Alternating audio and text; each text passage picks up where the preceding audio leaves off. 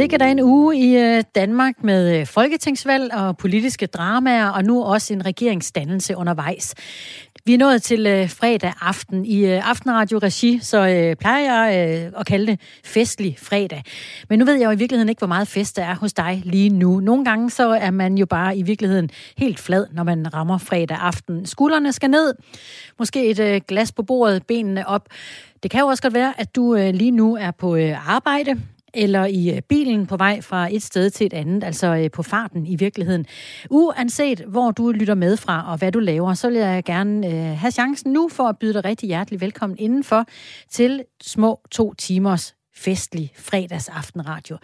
I løbet af aftenen så øh, kommer du til at høre et udsnit af, hvad partilederne synes om dag 1 i forhandlingerne om en ny regering. Den er ikke øh, sådan faldet på plads endnu, regeringen. Jeg lover dig, at du øh, får det at vide med det vons, at det sker her i øh, Radio 4. Jeg kommer også til i løbet af aftenen at følge op på den håndboldkamp, der bliver spillet lige nu. Det danske kvindelandshold spiller kamp mod Slovenien.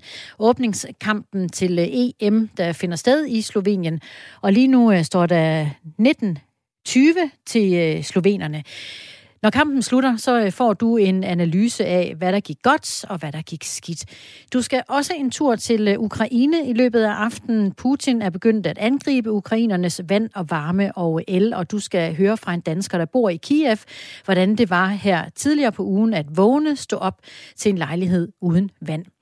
Det er fredag aften. Er du øh, med mig et eller andet sted derude, eller har du måske trukket stikket så meget allerede nu, at du ikke orker at række ud efter din mobiltelefon? Hvis du orker det. Så øh, ræk ud efter den og åbn en sms-besked og fortæl mig, hvad du laver sådan en øh, fredag aften. Jeg glæder mig til at høre fra dig, og så satser jeg hårdt på at blive øh, lagt ned af hyggelige sms'er om, hvad du laver her i aften. Nummeret herind er som altid 1424.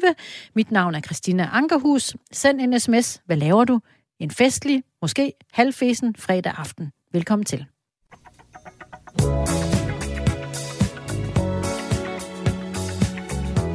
Musikalsk. Så lægger vi fra land med øh, Fest Fest Beaches og Night Fever.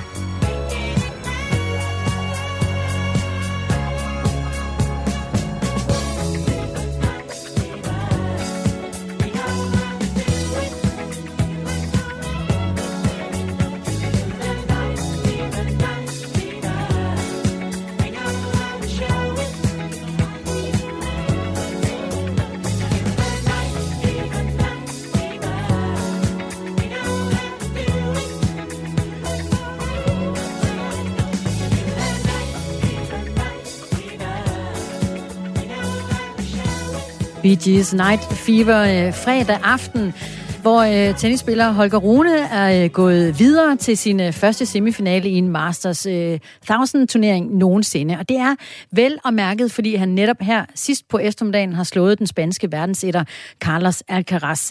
Velkommen øh, til øh, tidligere Wimbledon-vinder Frederik Lygte Nielsen, tidligere holdkaptajn også på det danske tennislandshold. Velkommen til. Jo tak. Du er, er det faktisk stadig, bare for god skyld. Og det er du stadig. Jamen, den titel skal jeg ikke tage fra dig som ind. Du øh, har spillet med øh, Holger Rune på det danske landshold, siden han var øh, ganske ung, øh, 14 år, mener jeg, jeg kan huske. Men lad os lige først, øh, Frederik, få detaljerne på plads omkring den her øh, kamp her til eftermiddag. Altså, øh, Holger Rune var øh, bedre end verdenssætteren i første sæt. Så spiller de lige op i andet sæt, frem til øh, tiebreak, hvor der så sker det, at øh, Alcaraz, han trækker sig ved stillingen der, 3-1 til Rune. Hvad var det lige, der skete? Han fik et eller andet med, med hoften eller siden øh, af maven, som gjorde, at han ikke rigtig kunne, øh, kunne fortsætte. Så det var sådan en akut opstået skade, som, som, som simpelthen gjorde, at han ikke kunne fortsætte. Og øh, Holger Rune fik altså ikke mulighed for at fuldføre sin øh, triumf. Nu kalder jeg det en triumf. Var det ikke nærmest det, vi så? Var han ikke overlegen? Jo, det synes jeg også, han var. Jeg synes, han var øh, den bedste spiller på banen, og øh, det havde da været sjovt for ham, hvis han havde fået lov at, øh, at, at, at, at køre den helt i mål, men jeg tror nok ikke, det betyder det helt store for ham. Nej, for det var jeg faktisk meget spændt på at spørge dig om. Hvad betyder det egentlig øh, for ham, at kampen slutter på den her måde? Jeg, jeg tænker bare selv personligt, det vil være en skuffelse. Men hvad tror du, han tænker?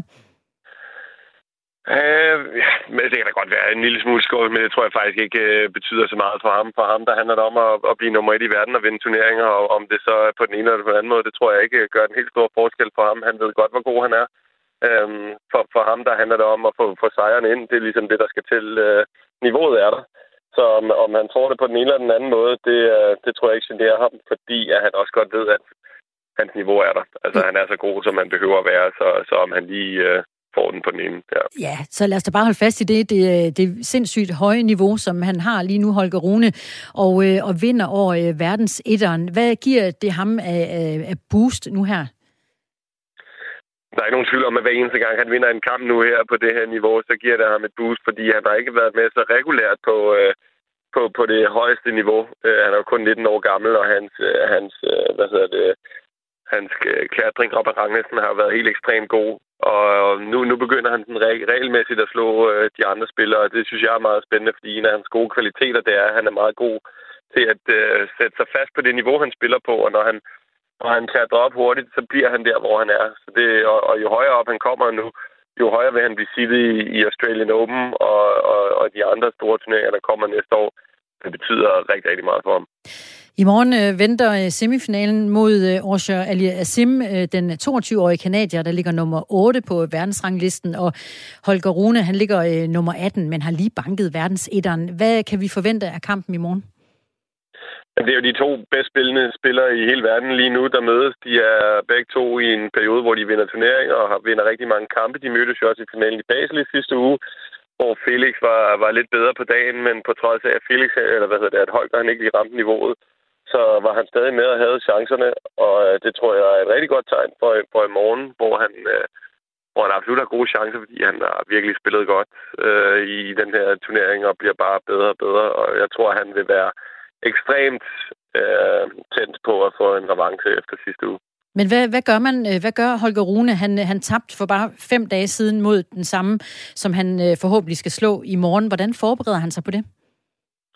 De er rigtig gode og meget, meget omhyggelige der i, i deres i, hvad hedder det, i Holgers hold og med hans træner til at, at analysere kampen og se, hvor, hvor det gik galt og hvad, det, øh, hvad, hvad der gik godt. Og jeg er sikker på, at de er gået igennem sidste uges kamp og fundet tendenser, som enten var succesfulde, som man måske skal gøre bedre, eller også øh, finde ud af, hvor det var, at øh, Felix var i stand til at sove ham, og, og, og så prøve at udbrede det. Fordi de er meget proaktive, og, og de, er, de er velforberedte, og, og så Holger bare rigtig god, når det går godt for ham. Øh, det, det, det er selvfølgelig mange, der er, men Holger er rigtig god, når han har momentum, og så gælder det om at sætte sig mentalt op til at fortsætte det og, og, og lade det køre. Det er ligesom den sidste rigtig store turnering for ham i år, og så er der Next Gen Finals, så, så han kan lige så godt lægge, øh, lægge al energi ind i det her, fordi at, øh, så, kan han, så kan han trække vejret og slappe af bagefter. Det bliver sådan en slags floskel omkring øh, Holger Rune, at han er ustoppelig. Er han det? Lige nu er han, altså, når han spiller sit gode tennis, så er han ubegribeligt ubehagelig at spille mod, fordi han mestrer alle spillets facetter, og han er virkelig dygtig til at tilpasse sig taktisk til forskellige modstandere. Så, så, så det er også sådan noget, der kan være svært at, at forberede sig på, fordi Holger, han, han plejer at, at være måske lige et skridt foran i, i sin forberedelse rent taktisk, og når han så har dagen, jamen, så har han ingen tekniske huller eller nogen fysiske begrænsninger til at udføre alle taktikker, så han kan stå imod for baglinjen, når de står og trykker, og når de så spiller kort, så kan han straffe og komme ind, og jeg synes, han er en af de dygtigste spillere i verden til at bygge et point op. Så han er forfærdelig at spille mod, og nu har han virkelig fået noget ekstra guff i saven, som gør, at han holder sin sav lidt lettere. Det var måske der i forhold til de allerbedste spillere, så man havde nogle udfordringer tidligere. Så det er svært, når, når, når det kører godt for ham, så er det virkelig svært at se, hvor man skal finde øh, svagheden. Ganske enkelt øh, fremragende at høre, fordi der er jo en kamp i morgen, der, der venter. Frederik Lygte Nielsen, øh, glimrende holdkaptajn, nuværende for det danske tennislandshold. tak fordi du var med os i Aftenradio. Ja, selv tak.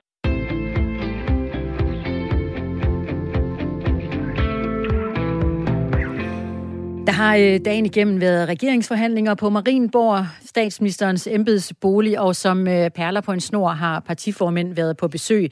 Men altså ingen regering er dannet endnu. Venstreformand Jakob Ellemann Jensen var den øh, første til morgenkaffe og forhandling, og øh, hans mål med besøget var at undersøge, om Mette Frederiksen virkelig ønsker en øh, regering, en bred regering hen over midten. Er det bare reelt snak, eller er det røgslør? Ja, det ønskede han at øh, finde ud af med besøget. Efter en lille times tid, så øh, dukkede han op uden for boligen igen, Jakob Ellemann Jensen. Han var stadig skeptisk. Vi har haft et fint møde. Jeg synes, det ser, det ser vanskeligt ud. Men, men, men vi kommer over, når vi er, er inviteret. Er I kommet tættere eller længere fra hinanden af det møde her? Det her møde, det er jo sådan et, et sonderingsmøde nu, der møder øh, hele dagen med alle øh, partierne, som jo er en del øh, efterhånden, og, øh, og så skal man finde ud af, hvor, øh, hvor, hvor stængerne står. Vi har selvfølgelig gentaget de ting, som, som er vigtigt for, for mig. Hvor ser, du, hvor ser du, I kan blive enige om noget? Hvad er det for nogle konkrete politikområder, hvor I er enige? Ja, det, det, det er alt for tidligt at sige noget Nu har vi haft et møde her. Jeg synes, det ser svært ud, men, øh, men, men selvfølgelig så tropper vi op, øh, når, når vi er inviteret. Du har tidligere sagt, at du ikke stoler på Mette Frederiksen. Er det ikke lidt underligt så at skulle sidde og forhandle mulig regering med en person, du ikke stoler på? Jamen altså, vi, vi, øh, har det parlament, som vælgerne har sammensat, og, og der skal vi arbejde med hinanden, og det, og det gør vi, og så må vi lade, lade den slags blive sat uden for det. Hvad mener du om de venstre folketingsmedlemmer, som har været ude at sige, skal afsøge en regering hen over midten? Jeg kan jo godt forstå, at det er fristende at, at, at mene øh, noget, når I øh, flittige mennesker ringer og, og spørger, så er vi jo øh, gode og velopdragende borgere, som gerne vil svare på, på jeres spørgsmål. Men er det ikke ultimativt nej til Mette Frederiksen i, som, som statsminister og som en del af en regering med venstremandater? Jeg har godt nok svært ved at se øh, Venstre pege på, på Mette. Som han sagde lige til sidst her, Jakob Ellemann Jensen, jeg har godt nok svært ved at se Venstre pege på Mette Frederiksen. SF til gengæld er øh, klar til at indgå i en øh, regering, men det øh, kommer til at afhænge af det politiske indhold. Det øh, fortalte formand for SF, Pia Olsen Dyr.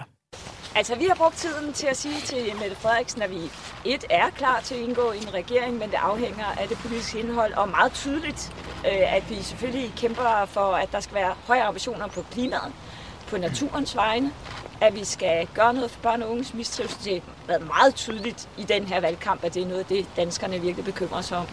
Og så selvfølgelig også, at vi skal sikre ligeløn i vores offentlige sektor. Så det har været noget af det, vi har snakket om. Vi har mest snakket politik, hvis jeg skal være ærlig, og ikke så meget konstellationer frem og tilbage. Og ser du for dig, at de ting, du nævner her, øh, kan lade sig gøre i en regering hen over midten?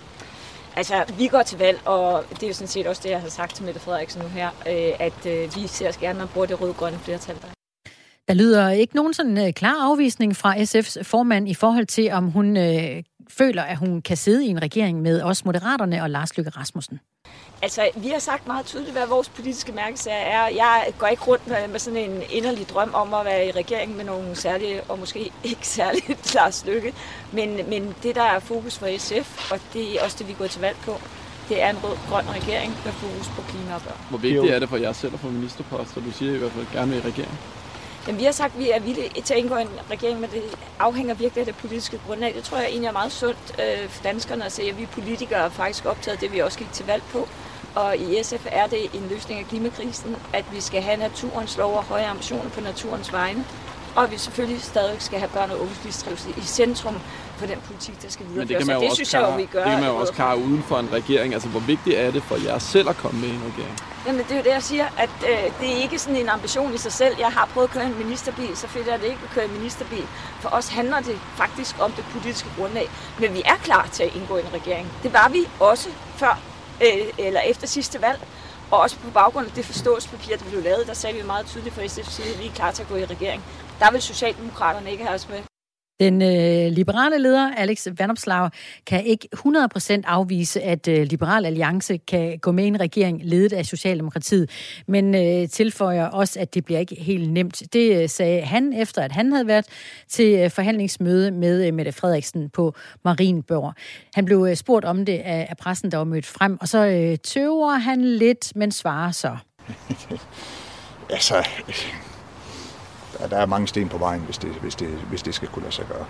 Øh, nu må vi se, hvad der sker den kommende tid. Altså, det, det ligger jo ikke lige til, til, til, til den nemme ende, det der. Øh, lad os nu se. Altså, vi vil gerne have et, et flertal, der forpligter sig på et, et højt ambitionsniveau. Og, og det arbejder vi jo på. Øh, det arbejder vi på, når vi er her. Det arbejder vi på, når vi snakker med andre partier. Og så må vi se, hvad vi kan lykkes med. Og øh, nogenlunde samme toner kom der fra øh, de konservatives formand, Søren Pape Poulsen, efter han havde været til kaffe på Marienborg. Jeg har øh, en, en forståelse af, at man vil indkalde til forskellige, forskellige møder. Og jeg har det også sådan, øh, vi møder jo gerne op og inspirerer med vores gode politik til, hvad der kunne stå som regeringsgrundlag. Det betyder ikke, at vi skal sidde der. Øh, nu må vi se. Det må vi jo mærke efter. Altså, jeg har det jo sådan, at øh, vi, vi melder ikke bare afbud øh, hvis vi bliver inviteret. Hvis, hvis Mette Frederiksen synes, der er noget, hun vil tale med os om, øh, så møder vi også op. Og jeg siger bare, nu synes jeg, at vi skal an, kigge på det bredt. Øh, på alle måder. Øh, og se, hvordan man kan tælle til 90. Det kan man på mange måder i, den, i det her folketing. Det øh, grønlandske folketingsmedlem Aya Kemnitz fra IA, hun kom ud fra mødet og sagde, at hun øh, allerede nu ved, at hun vil pege på øh, Mette Frederiksen som øh, statsminister. Og det selvom hun tidligere har sagt også her i Radio 4, at hun vil have mest muligt ud af sit mandat. Og hun erkender, at hun øh, muligvis står lidt sværere nu i sit taktiske spil, når hun øh, vælger så entydigt at pege på Mette Frederiksen allerede nu. Hun øh, siger, for mig at se, at det er en konstellation, hvor øh, uanset hvilket scenarie, så er Mette Frederiksen den statsministerkandidat, der står med de bedste kort på hånden. Og det sagde hun, da hun øh, også var på øh, Marienborg. Politisk redaktør Thomas Larsen vurderer her efter øh, forhandlingsdag 1, at der kommer til at vente forud en hel del lange dage, måske også flere uger ved forhandlingsbordet, før vi får en ny regering. Vi kan i virkeligheden kun udlede det af det, at det bliver ekstremt svært at nå øh, frem til en ny regering, der rækker hen over øh, midten. Og det skyldes jo, at øh, flere partier de møder op med stærkt modsatrettede krav, som det bliver svært for Mette Frederiksen at få til at, at blive forenet.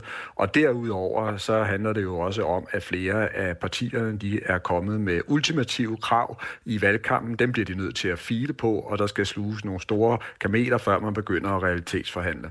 Og så lyder det fra øh, Thomas Larsen, som holder skarpt øje med forhandlingerne. Og det gør i øvrigt også mig Mercado, gruppeformand i øh, De Konservative. Hun holder især skarpt øje med øh, Venstre, om Venstre så småt begynder at åbne en dør for at danne regering med Socialdemokratiet. Hvis I gør det, så, så tror jeg nok, at vi for vores del i Konservative vil være meget indstillet på at køre en oppositionspolitik, fordi at gå i regering med Mette Frederiksen, når man i den grad har lagt afstand og øh, har taget kæmpe kampe i både den sidste valgperiode, men også i valgkampen, det rimer bare ikke på regeringsdeltagelse. Og det her øh, udsagn fra de konservative, det viser bare med al sin tydelighed, at der er øh, lagt op til, at der bliver kamp til stregen, siger politisk redaktør Thomas Larsen. Det siger jo alt om, at der er enormt meget på spil, og også, at der kan blive udløst et kæmpe internt rivegilde i Blå Blok, hvis for eksempel Jakob Ellemann Jensen og Venstre går solo og melder sig ind i en regering under Mette Frederiksens øh, ledelse. Så tror jeg, at han vil komme øh, under meget hård beskydning fra de øvrige borgerlige øh, partier. Så det er nogle nervepirrende regeringsforhandlinger, vi er i gang med nu.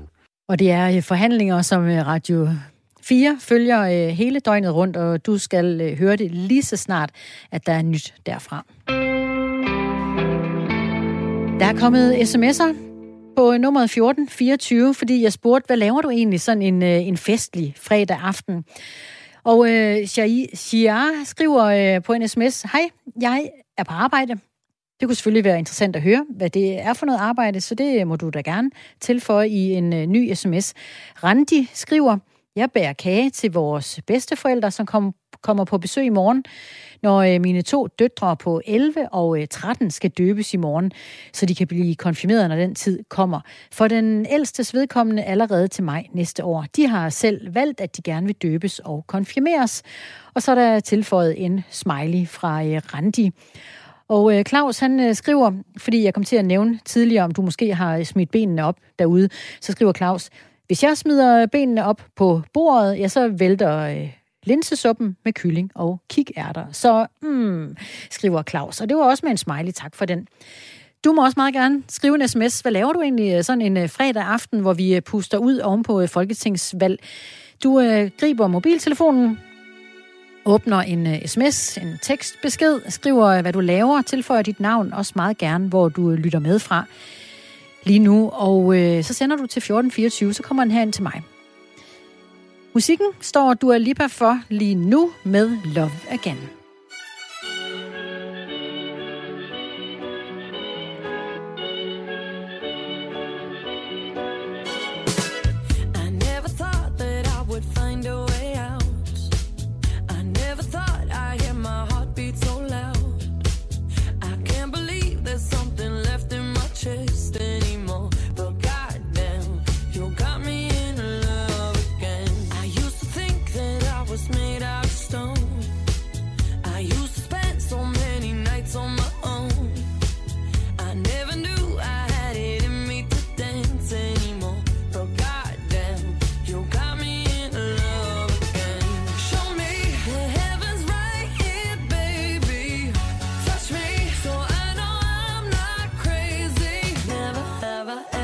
Somebody like you.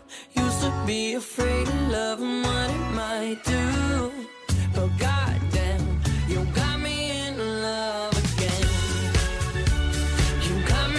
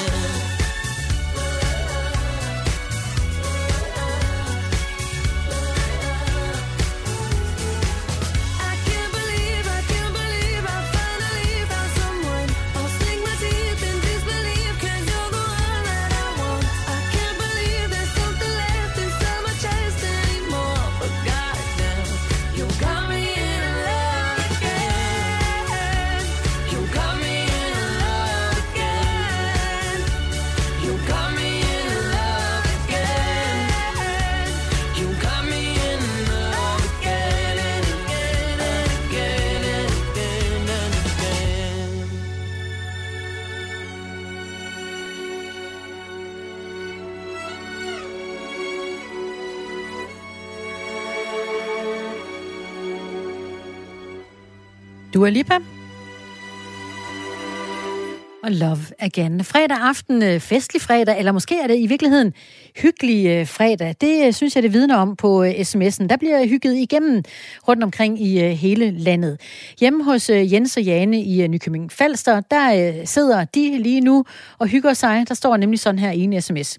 Vi sidder og smager på en Ferne Branca og steger et par andelår og bare hygger, står der i sms'en fra Jens og Jane. Det lyder dejligt. Hos øh, John Johnny i København, der står der her i en sms.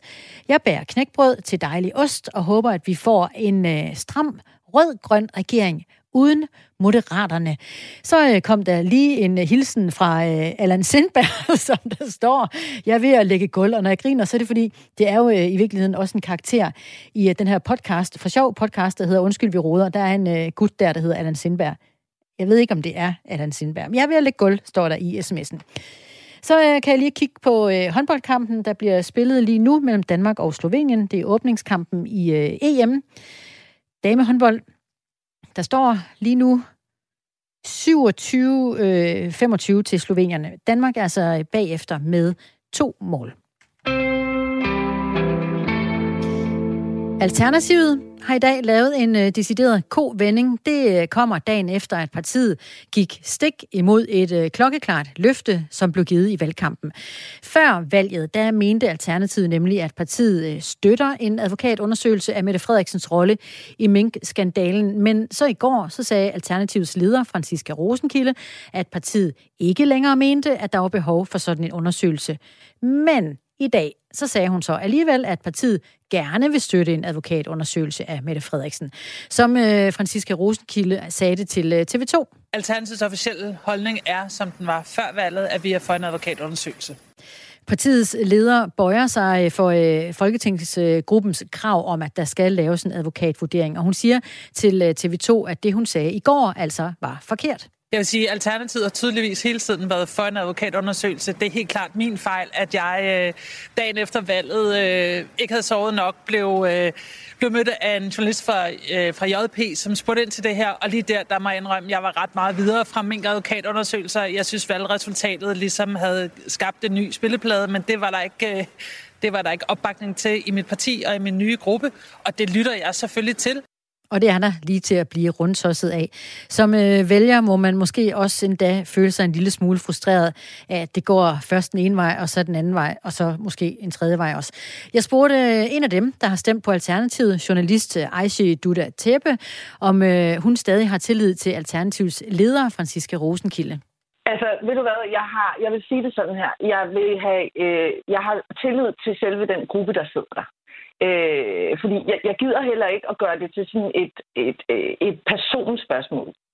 Fordi at øh, når, når Francisca... Men det er jo også fordi, vi i dansk politik er blevet øh, vant til, at når en leder går ud og melder noget ud for et politisk parti, jamen så er det sådan, hele partiet skal have det.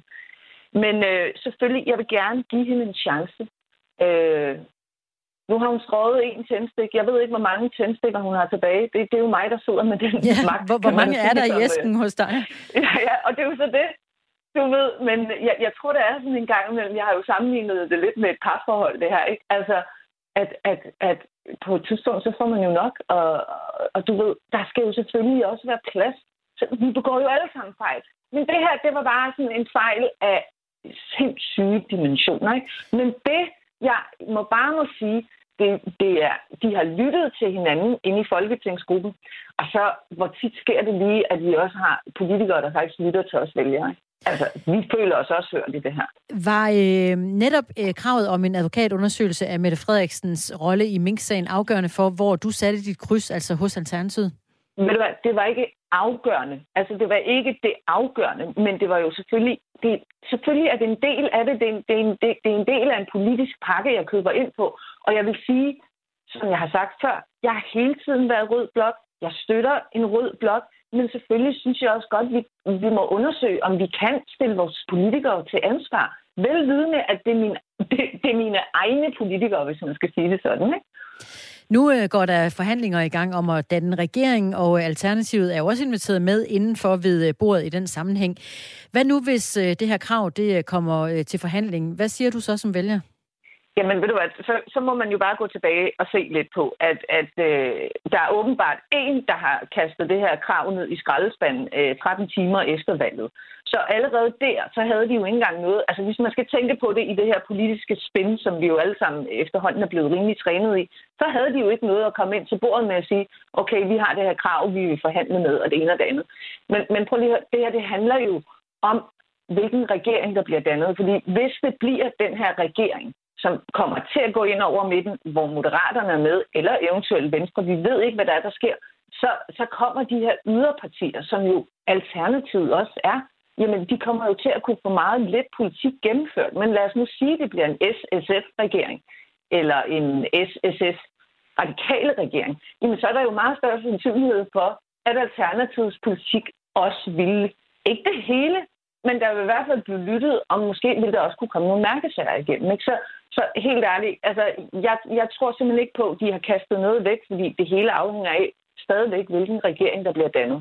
Og hvis det bliver en regering ind over midten med øh, partier fra Blå Blok, jamen så er sandsynligheden meget lille for, og ikke kun for Alternativet, men også for sådan et parti som Enhedslisten, som jo har været det parti, jeg har stemt på i mange år, at deres politik ikke vil blive gennemført lige så vel som, som partierne, der ligger over på højrefløjen.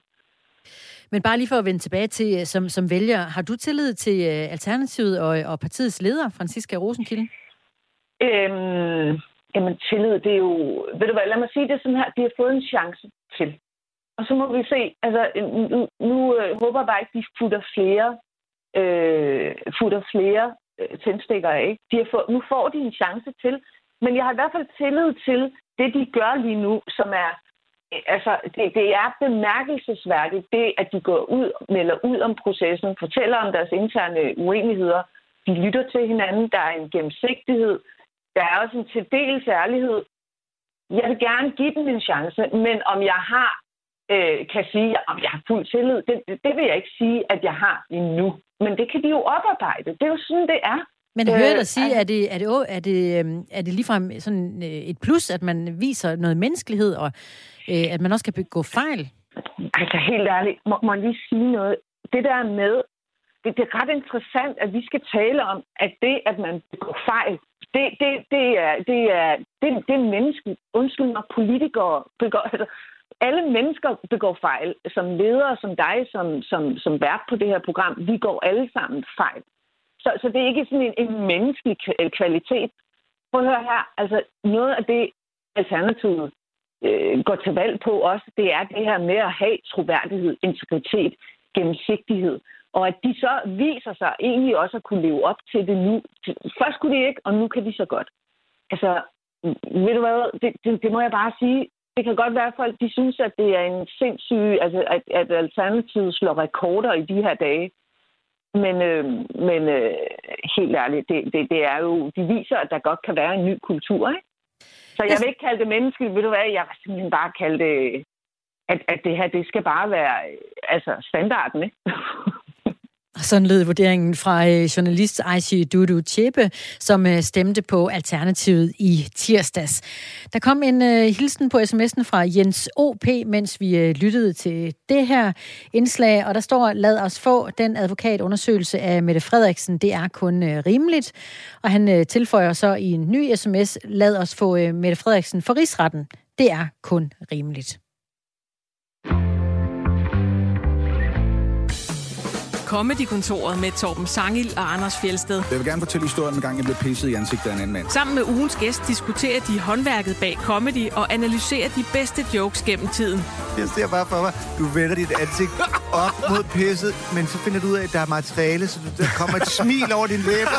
Og stadig var hans tænder ikke de guleste på den her præstation. Lyt til Comedy-kontoret som podcast i Radio 4's app. Radio 4 taler med Danmark.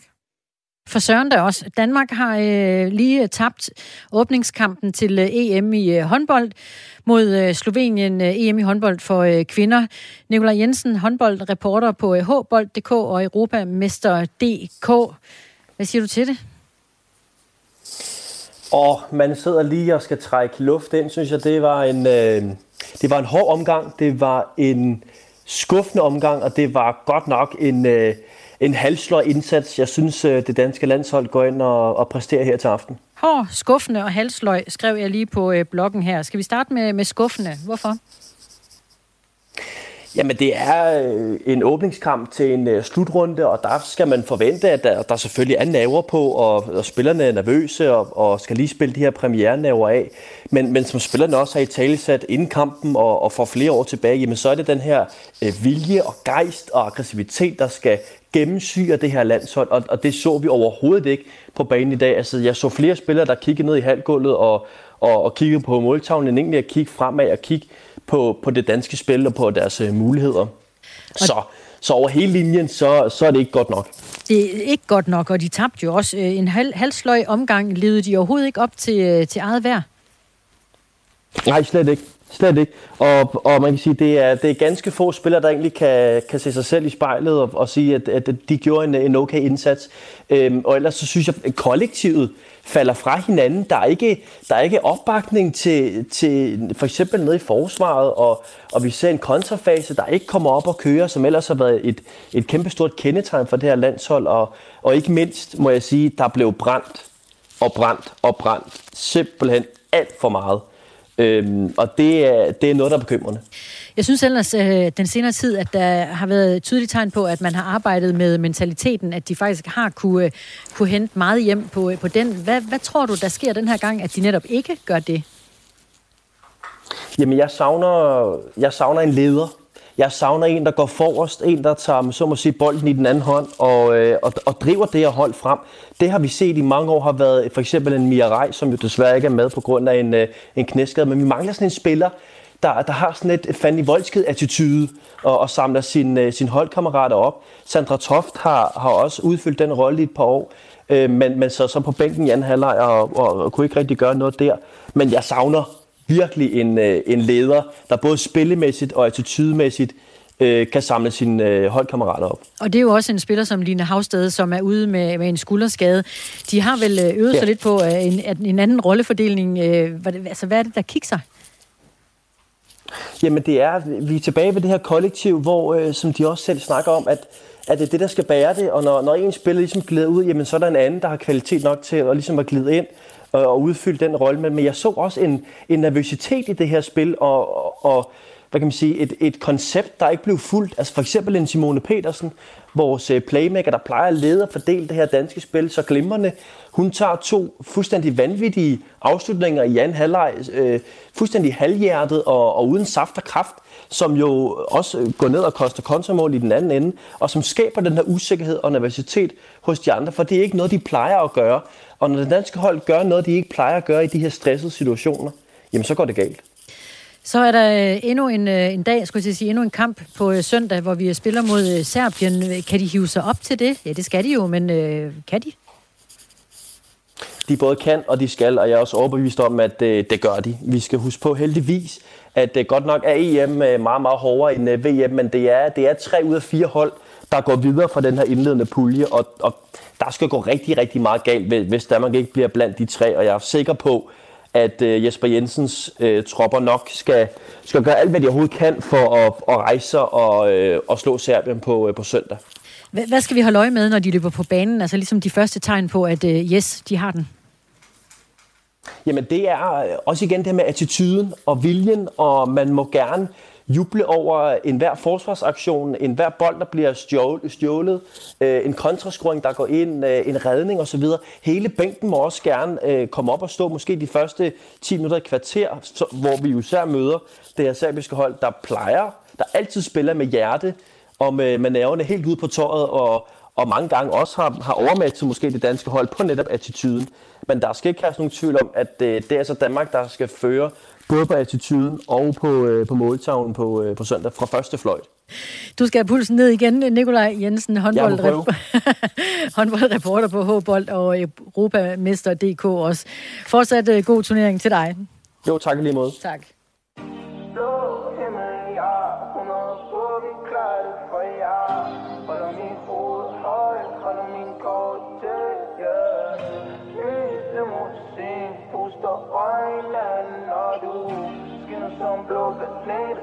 Som diamant, yeah.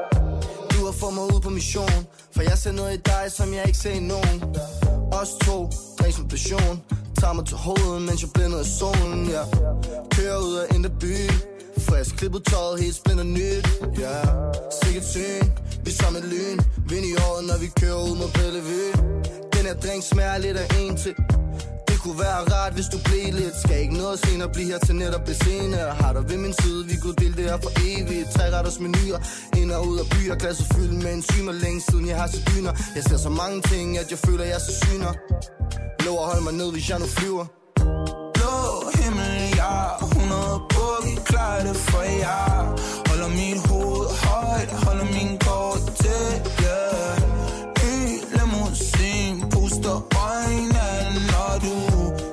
Som blå skin skinner som diamante, yeah. Blå himmel, ja 100 boogie, klar det for jer. Holder mit hoved højt, holder min kort tæt, yeah. Ny limousin, puster øjnene, når du Skinner som blå planet, skinner som diamante, yeah. Tag mig ind her, mens vi kører ud mod horisonten. Det er kun dig og mig, det ja, det kan jeg godt nøjes med. Briller på i strube, lys og røgen. Jeg kan se, du ved det i dine øjne. Håber ikke, du er bange for højde. Jeg tror, jeg kan mærke, at vi flyver Så flyv ud i rummet med mig, hvor du ikke kan bunde længere. Drik og tag en lunge med mig, ja. Timer af sekunder med dig, nætterne bliver kun længere. Vi er liv, når munden skinner, ja. Blå himmel, kunne ikke tænke på noget bedre? Kilometer tæller, mens vi kommer til dig Jeg vil bare være lige her.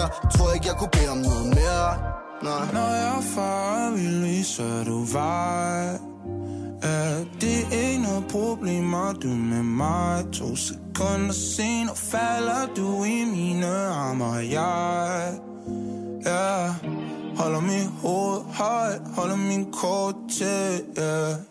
Blå himmel, ja 100 boogie, klar det for jer. Holder mit hoved højt, holder min kort til, yeah. Ny limousin, puster øjnene, når du Skinner som blå planet, skinner som diamante, yeah. Blå himmel, ja 100 boogie, klar det for jer.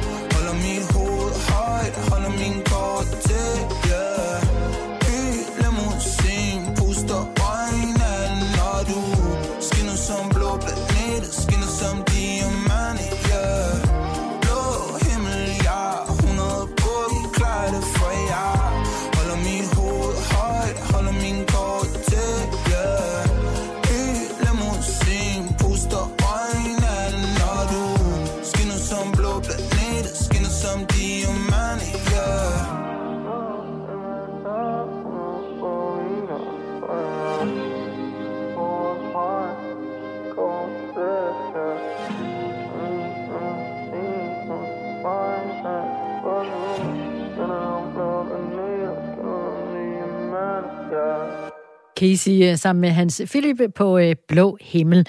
Der kom lige et par sms'er sms'er mere, der øh, handler om øh, Mette Frederiksen og en eventuelt advokatundersøgelse af hende.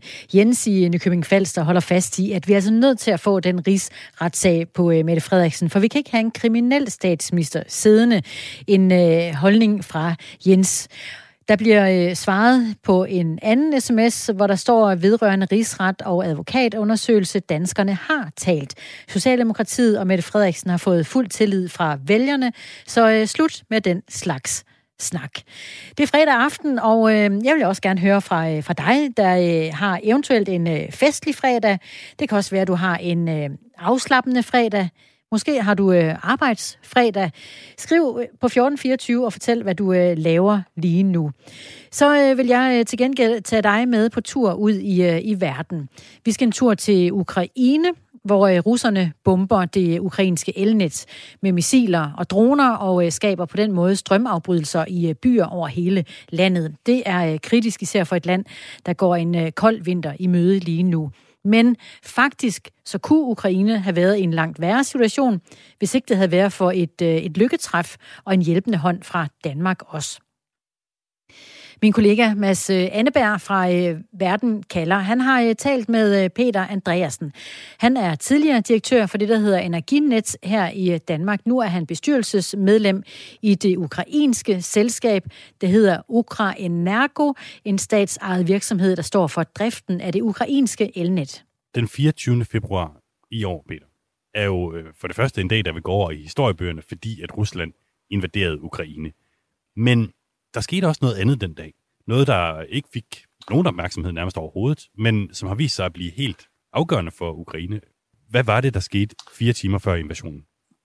Ja, der skete det, som egentlig var forberedt igennem nogle år, at man øh, skulle prøve at se, om det kunne lykkes at, at, at drive det ukrainske energisystem sammen med det europæiske. Øh, det var vel forberedt, og, og, og det skulle ske den 24. februar. Øh, og det øh, viste sig så, og det var sådan lidt en skæbneceremoni, at det var fire timer før, at man koblede på øh, til europæiske, og så fire timer efter så kom øh, invasionen fra, fra Rusland. Så det var, øh, jeg vil sige, en lykketræf. Øh, ideen var så, at man skulle så komme tilbage fire dage efter, men af, af åbenlyse grunde, jamen, så blev det jo ikke til noget. Man blev simpelthen hængende øh, på det europæiske system, også fordi det viste at det gik faktisk ret godt. Så mm, bare lige for at være sikker på, at jeg forstår det, altså indtil 24. februar, der har Ukraine simpelthen været en del af det russiske elnet, og fire timer før invasionen bliver de så koblet på det europæiske øh, i stedet for. Er det rigtigt? Det er rigtigt, og så lukkede man forbindelsen til Rusland og Hvide Rusland. Så hvis Ukraine stadig havde været på det russiske elnet, hvordan havde det så set ud nu for ukrainerne? Det har ikke været en gunstig situation, kan man sige, fordi, øh, fordi øh, at russerne jo ganske sikkert nok ville have lukket de grænser. Øh, og så var man sådan set fuldstændig øh, on your own, altså så var man alene, pal alene i verden.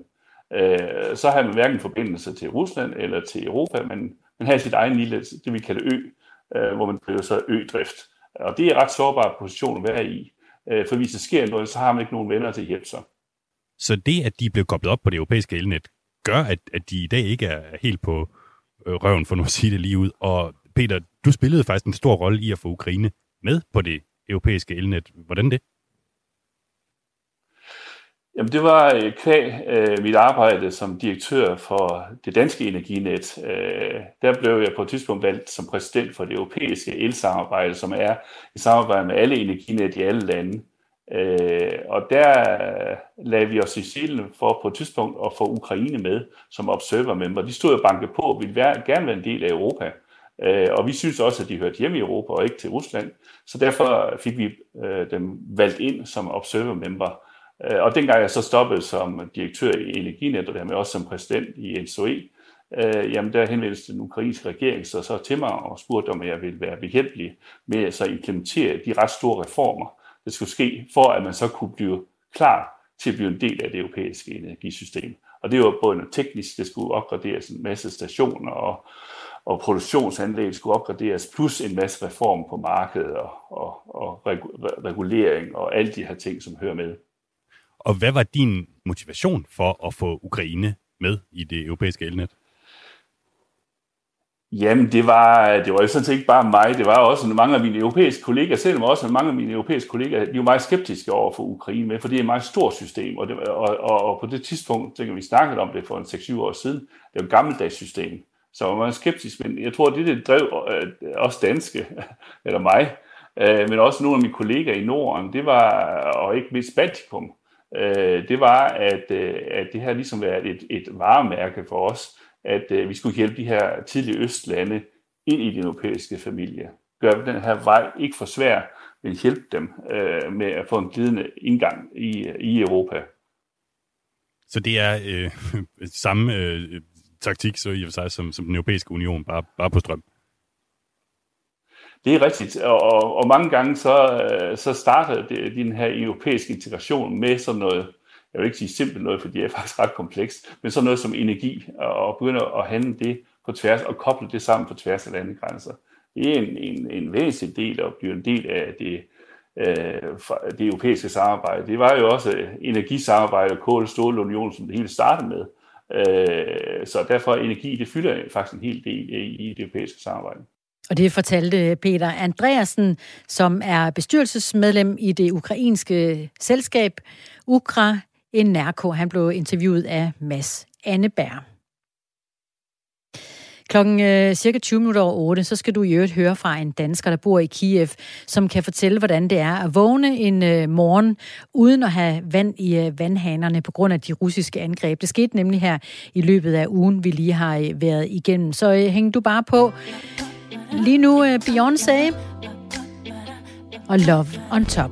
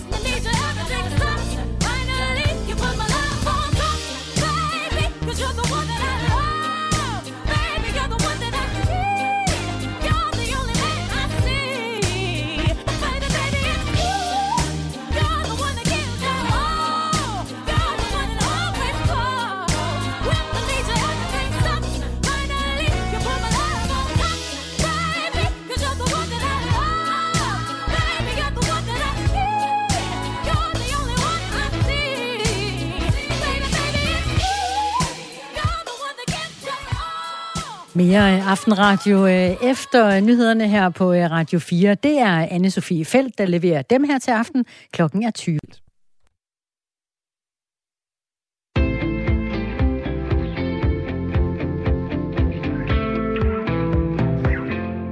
Mens meget har handlet om politik og valg i øh, Danmark den forgangne uge, så er øh, krigen fortsat i gang i Ukraine. Den øh, seneste uge har russiske missiler og droner systematisk ramt kritisk infrastruktur som vandværker, kraftværker og transformerstationer i Ukraine.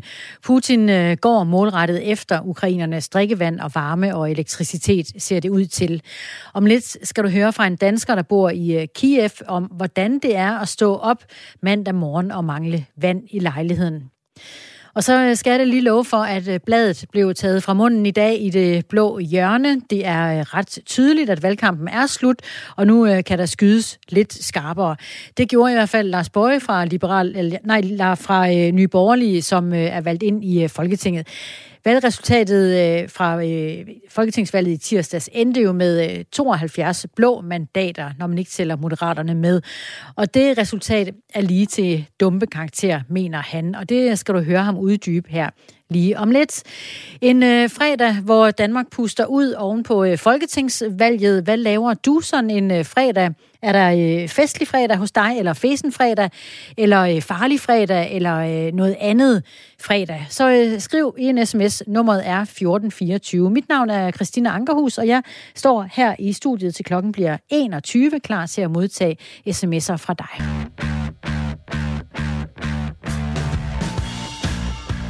Så øh, fortæl mig, hvad laver du? Hvordan er øh, fredag hos dig? Festlig eller fesen? 1424. Her er det Go Go Berlin.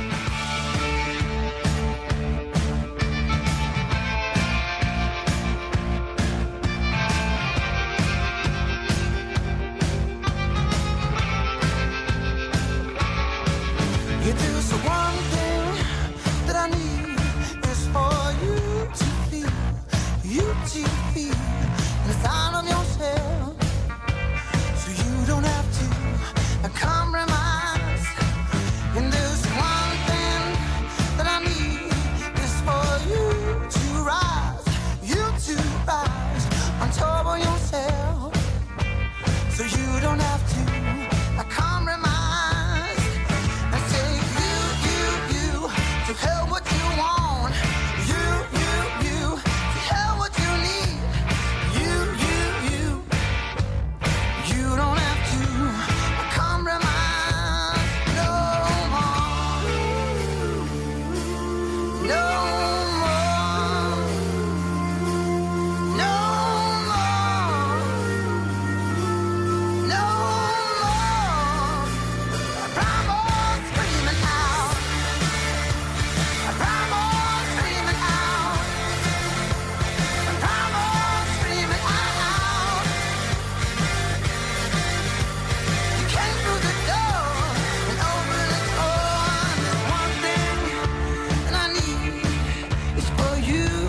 feel, you to feel as of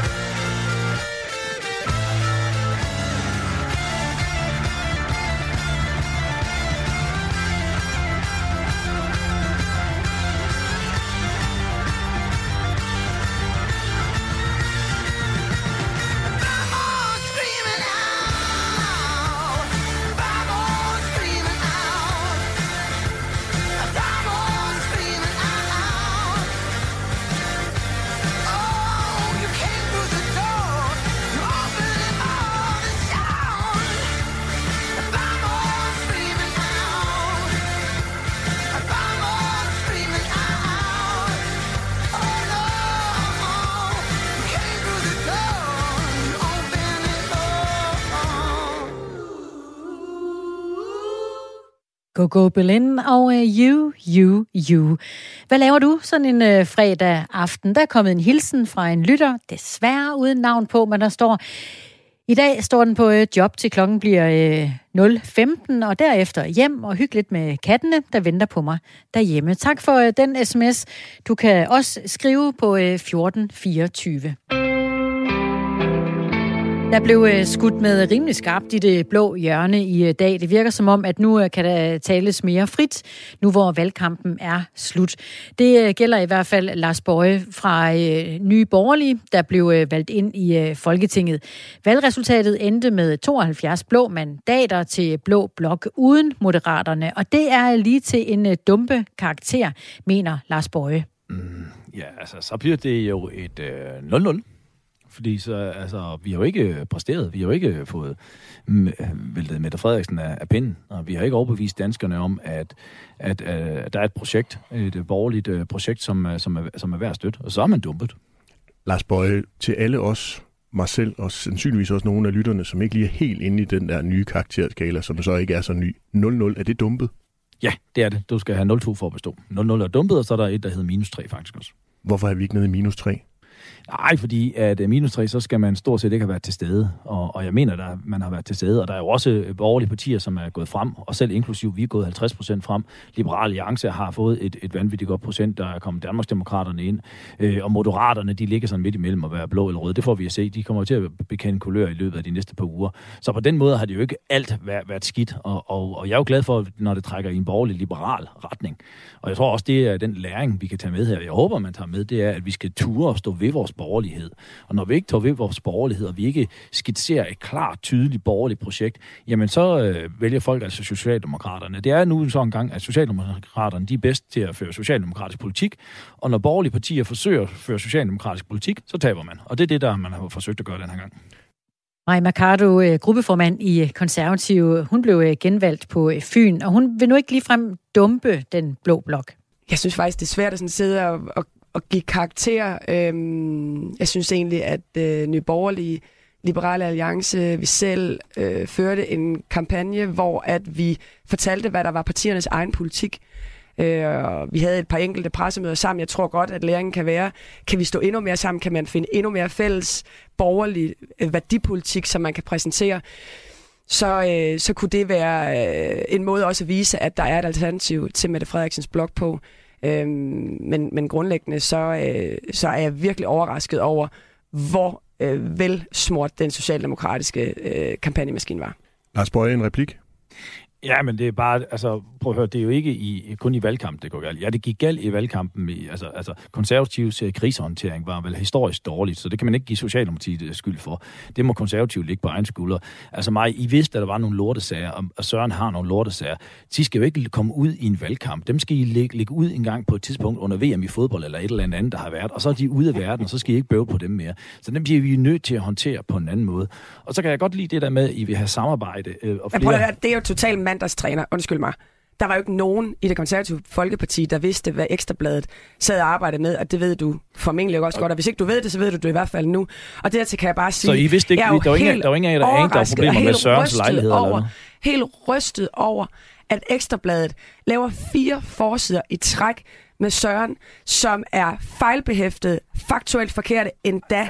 usandheder. Nogen vil kalde det løgnagtige, men lad os bare kalde det usandheder. Og så ovenikøbet, da de så er ude og lave dementi, så siger Knud Brix, som er chefredaktør, ja, og det sørger mig også beklageligt lige med, med, den her, med det her dementi, for de synes ellers, at det er en god kampagne, de har ført imod det konservative folkeparti. Så har det bare sådan lidt, okay, det er bare kampagne på helt nye standarder, altså. Begge partier her, både de konservative og nye borgerlige, har oplevet at ligge temmelig flot i øh, meningsmålingerne, men har ikke helt kunne leve op til det helt frem til øh, valget. Vært Kasper Dahl i det blå hjørne spurgte derfor måske lidt provokerende Lars Bøje fra øh, Nye Borgerlige. Hvorfor skræmte I vælgerne væk? Ej, jeg ved ikke, om 50% fremgang er lille bitte.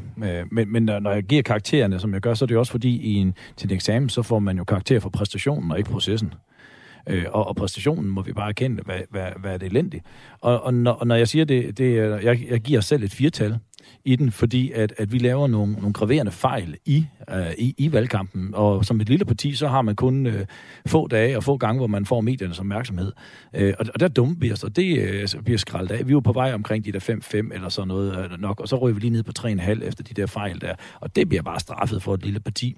Men altså 50 procent fremgang, det, uh, det synes jeg nu ikke, man kan tillade sig at være, være trist over. Når, når, og jeg Lars Bøje, lige sige hvem det, Lars Bøje, hvem var det, der dummede sig? Jamen, det er der ingen skue på. Det var Mette Thiesen, der dummede sig. Åh, oh, så det er Mette Thiesens skyld? Ja, men hvis det er den person, der dummer sig, så er det jo den person, der dummer sig. Altså, prøv, vi, skal jo ikke, vi skal jo ikke lægge skjul på. Altså, man kan godt sidde og forestille sig, at verden ikke er der, men, men altså, den der strusse-metode, hvor man bare vil, vil, øh, vil ikke vil snakke om tingene, det synes jeg for eksempel har været det største problem i den her. Altså, jeg gav jo også medierne minus 3, tror jeg. Øh, og, og det var jo fordi, at jeg synes, det var fuldstændig grotesk, at man ikke har adresseret det store, det store så spørgsmål. lige der, der var medierne, der var de helt på afvej, men når det var det konservative folkeparti, så var, så var det bare helt okay. Nej, jeg, jeg har givet medierne generelt et, et minus 3 den her, fordi jeg synes, de har ageret Socialdemokratiets pressekontor. Lars Bøje, Lars godt, du har været med i det her blå hjørne rigtig mange gange, og det er vi super glade for, men du ved jo også godt, at hver gang, at I politikere begynder at få lidt problemer, så trækker I medierne frem, og så er det mediernes skyld, og så siger jeg stop.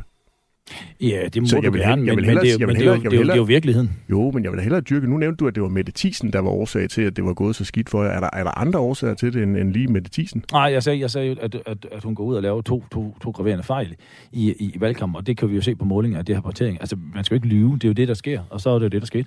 Og, og der står vi jo selvfølgelig sammen, og vi kæmper, og så kæmper man videre, men, men det er jo det samme, som, som hvis jeg går ud og laver graverende fejl, og det har kostet 1,5 procent i, uh, i målingen, så, er det, så må jeg tage det ansvar på mig, så er det mig, der har lavet den fejl. Derfor står vi der sammen og kæmper og videre, sådan er det. Men Lars Bøje, hvordan har Mette Thiesens øh, fejl, som du siger, hvordan har de ramt jer så hårdt? Jamen, der er to fejl i det. ikke? Den, den, ene, den ene, det er, hvor, øh, hvor hun går ud og, og falder i en fælde, som journalist laver omkring noget med nogle hjemmehjælper, og, øh, og jeg tror, det er nogle er det muslimer og jøder eller sådan noget, som, hvor, hvor, hvor hun hopper i sådan en fælde, ikke? Øh, og, og det skal man bare lade være med. Det er simpelthen for dumt. Øh, og og, og så, så kører Berlinske, og det synes jeg faktisk også, den er på kant, det er derfor, jeg giver minus 3 til medierne.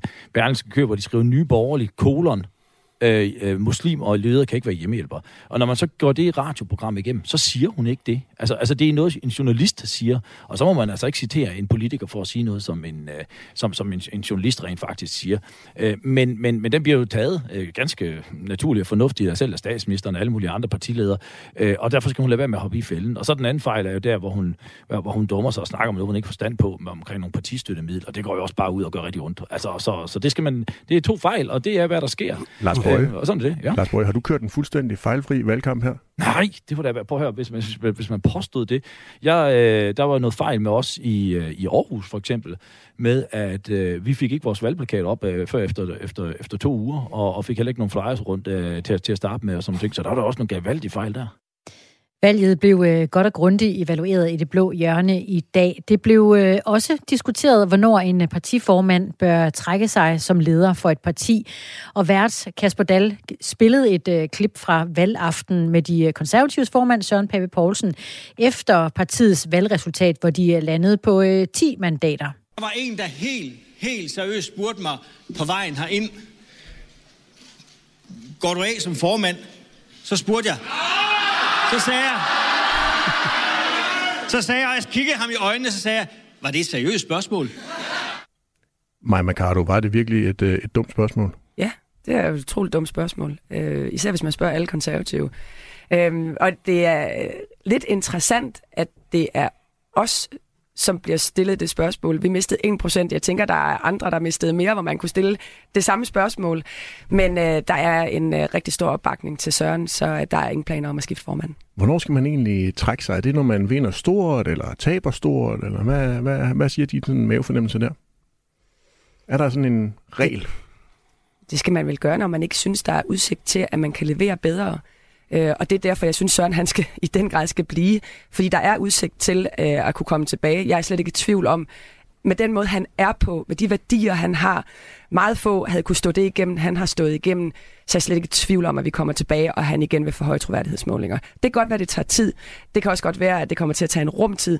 Men jeg tror helt sikkert, det lader sig gøre. Og den tålmodighed, den har I i det konservative Folkeparti, på trods af, at I fik et dårligere valgresultat end i 2019, med også Søren Pape Poulsen som formand. Ja, vi er jo konservative. Vi har jo eksisteret i mere end 100 år, så vi har masser af tålmodighed. Og Kasper Dalle spurgte så øh, Lars Bøje fra Nye Borgerlige, hvornår han synes, en partiformand bør trække sig. Øh, Det skal du, når, øh, når du ikke har dine medlemmers opbakning, du ikke har din, for eksempel din gruppes opbakning. Øh, og så er det jo noget, man træffer. Jeg, jeg kommer ikke til at blande mig i, hvornår øh, formænd for andre partier, de, de trækker sig. Det må de fuldstændig selv bestemme. Lars Bøje, havde du trukket dig, hvis du havde været Søren Pape Poulsen? Øh, ja. Hvorfor? Ja, fordi øh, leder, lederen... Øh, nå, men, altså, nu spørger jeg om, hvad, hvad jeg ville have gjort, hvis jeg havde siddet det sted. Øh, og, og, så, og, som, øh, så, og som leder, så kan du godt uddelegere ansvaret, men du har det stadigvæk. Øh, og når det går dårligt, så skal du tage ansvar på dig. Øh, og, og hvis man øh, på den måde har tilbagegang, så vil jeg ikke som, som leder, så vil jeg spørge ud i hvert fald, og, og spørge, om der stadigvæk var opbakning. Og hvis der stadigvæk var opbakning, så skulle man blive enige omkring det projekt. Det, det er faktisk meget elegant, det øh, han laver lige nu, Lars, fordi du stiller spørgsmålet, vil du blande dig i de andre? Nej, siger Lars Bøje, jeg vil overhovedet ikke blande mig. Hvorefter han bare sviner og sabler det konservative folkeparti. Jeg synes, point for elegancen, Lars Bøje, point Nej, men det gør jeg ikke. Nej, jeg får, jeg får stillet er spørgsmål, hvad jeg vil gøre, hvis jeg sad, hvis jeg sad som leder. Og der, og der, vil, der vil jeg trække mig, fordi jeg, det er en af de ting, som jeg synes, der har været galt med Mette Frederiksen. Hun har jo heller ikke taget ansvaret for de fejl og de, de, de ting og de lovbrud, hun har lavet. Hun har heller ikke som leder taget ansvaret på sig. Og jeg synes, man som leder skal tage ansvar på sig. Og, og så, spørger, så spørger man jo, øh, hvad jeg vil have gjort. Ikke hvad jeg mener, Søren skal gøre, fordi jeg har sagt, Ej, jeg vil ikke ej, ej. blande mig i... Jakke det, jakke det, er jeg vil ikke blande mig i, hvad Søren gør. Øh, Hvad hvis du nu var Jakob Ellemann Jensen og havde fået en losing på minus 20 mandater? Jeg var du så noterer, også blevet? jeg noterer med det samme. Jamen igen, jeg vil ikke blande mig i, hvad, hvad andre gør, men hvis jeg har siddet som, som leder for, for et parti, som blev halveret, ja, så var jeg også gået. Ja, der blev talt lige ud af posten i det blå hjørne i dag med besøg af Nyborgerliges Lars Bøje, konservatives Maj Mercado og øh, Preben Bang Henriksen fra Venstre var også med. Du kan høre hele programmet i øh, Radio 4-appen. Claus skriver på øh, sms'en, at her er der vist tale om blå blok mesterskab i abekast.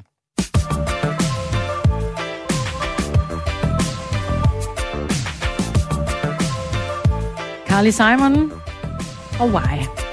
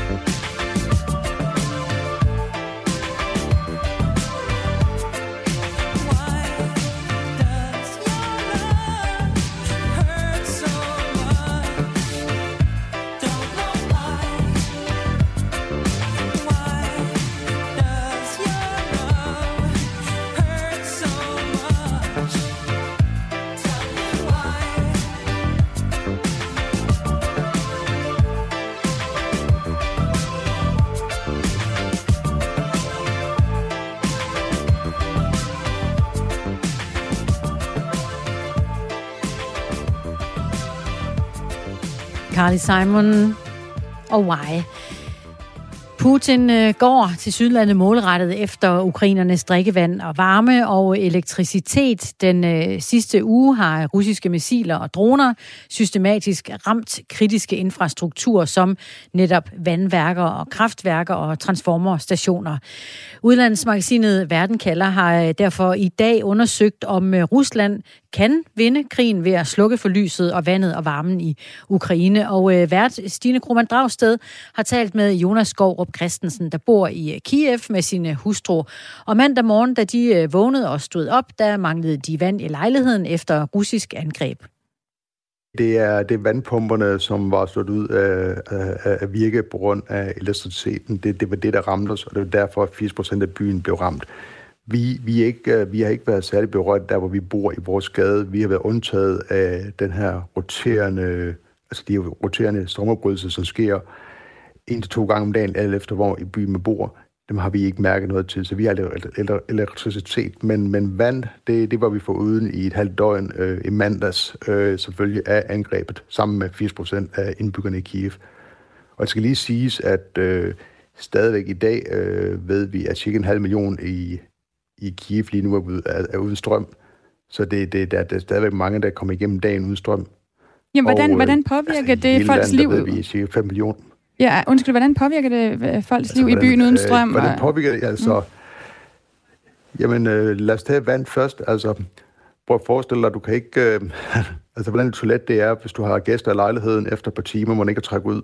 Forestil dig, at du kan ikke få et bad, du kan ikke dyrke sport, for så sveder det, så du, så du er nødt til ligesom at holde lidt i ro. Øh, du skal ud til møder måske i byen, men øh, du kan ikke lige få vasket dit hår, så du, du kommer ud lad, sådan lidt småsvedig og med, ja, øh, du, øh, du kan ikke vaske hænder, øh, før du laver mad, du kan ikke vaske hænder efter toilet, så det er jo også meget uhygiejne. Så det går lige pludselig op for en, hvor, hvor afhængig vi er af vand øh, i det daglige, noget vi tager for givet. Det, det, det oplevede vi i mandags, at øh, øh, hvor, hvor meget øh, fraværet af vand, det, det påvirker en. Øh, Hmm.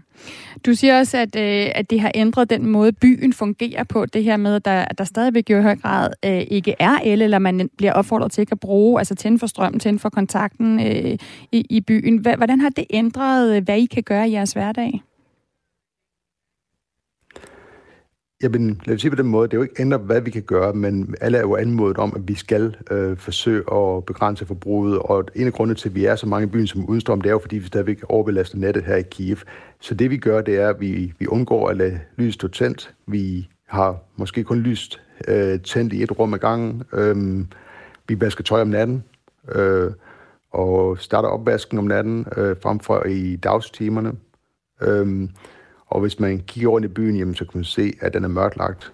Når jeg er ude og løbe en tur om aftenen, øh, jeg kan ikke se noget, øh, medmindre jeg bruger min øh, iPhones øh, lygte. Øh, og det, det, det, det, det, det, det, er, det er komplet mørkt. Øh, det er nærmest farligt at gå øh, rundt omkring i byen. Man skal også huske på, at Kiev, i modsætning til Danmark, der er det ofte sådan, at fortonene, de kan godt være sådan lidt ujævne, og øh, der skal altså ikke meget til, før man skvatter, når det er mørkt. Mm. Øh, så det, det, det, er lidt, øh, det er lidt svært at komme rundt i byen om aftenen. Plus bilerne blænder jo en, når de kører rundt med deres lygter tændt. Så, og det mærker man jo, når der er mørkt overalt.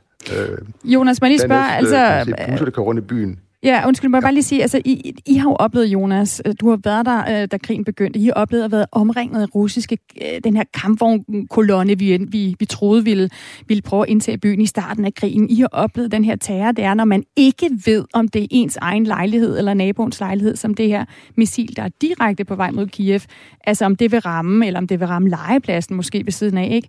Nu rammer russerne så vand og, og el i Kiev.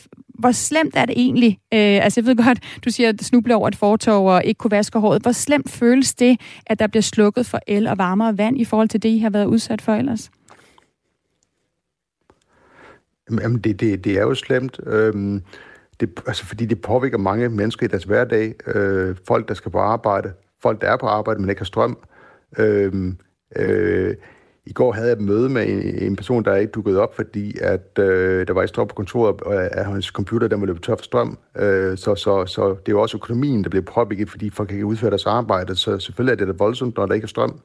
Øh, det er jo ligesom for præmissen for ligesom at ligesom kunne fungere som samfund, det er, at vi har elektricitet. på private plan, jamen der er det klart, at øh, det, det, det påvirker os, øh, som jeg har nævnt, men det påvirker jo hele økonomien. Hmm. Jonas, hvorfor tror du, russerne gør det her? Altså, jeg tror jo, der er to årsager. Det ene er, jo nok med et øje til logistikken, som Anders nævnte. Det andet, det er at forsøge på at straffe befolkningen. Der har været ret så tydelige tendenser til, at man, man, øh, man bruger øh, militæret som terror, når det ikke lykkes at øh, komme frem på slagmarken.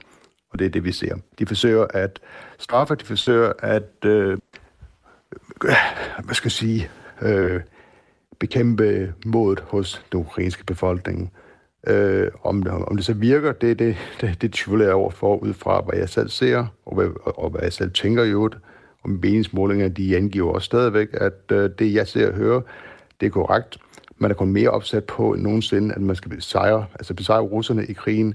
Der er ikke nogen, der ønsker sig, ønsker sig en overgivelse, eller at vi forhandler fred nu. Breden, den er stigende, som der har været tidligere, når der har været angreb, som har slået folk ihjel. Det er ikke afmagt, det er, det er vrede, der kommer frem. Mm.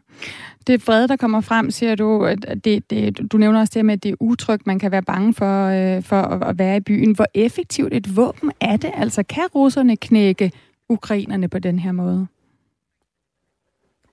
Altså, det mener jeg ikke. Øh, og det er, jo ret, det er jo ret tydeligt at se, hvordan folk de også takter det. Jo, vi er irriteret. Jo, det, det, det gør livet mere besværligt. Men, men vi står også sammen, og man snakker sammen på kryds og tværs. Lige nu, for eksempel i dag, min, min, svigermor, hun bor hos os igen, fordi hun mangler strøm selv, både på arbejdet og øh, hvad hedder det, derhjemme. Øh, og nu sidder hun her i lejligheden og arbejder, fordi vi har strøm. Og på samme måde, så hjælper folk hinanden med at komme igennem øh, dagligdagen.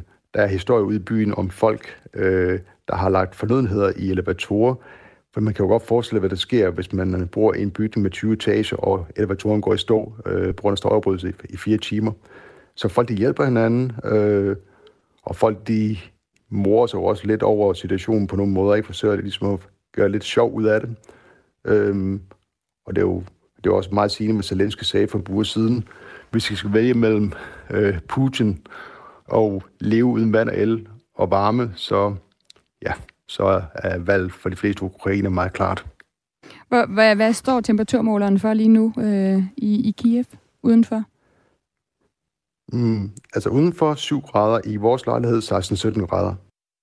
En øh, kølig fortælling fra øh, Jonas Skovrup Christensen fra øh, Kiev, som han øh, fortalte i udlandsmagasinet Verden kalder tidligere i dag her på Radio 4. Du kan selvfølgelig øh, som altid øh, finde programmet frem ved at søge det frem på Radio 4-appen.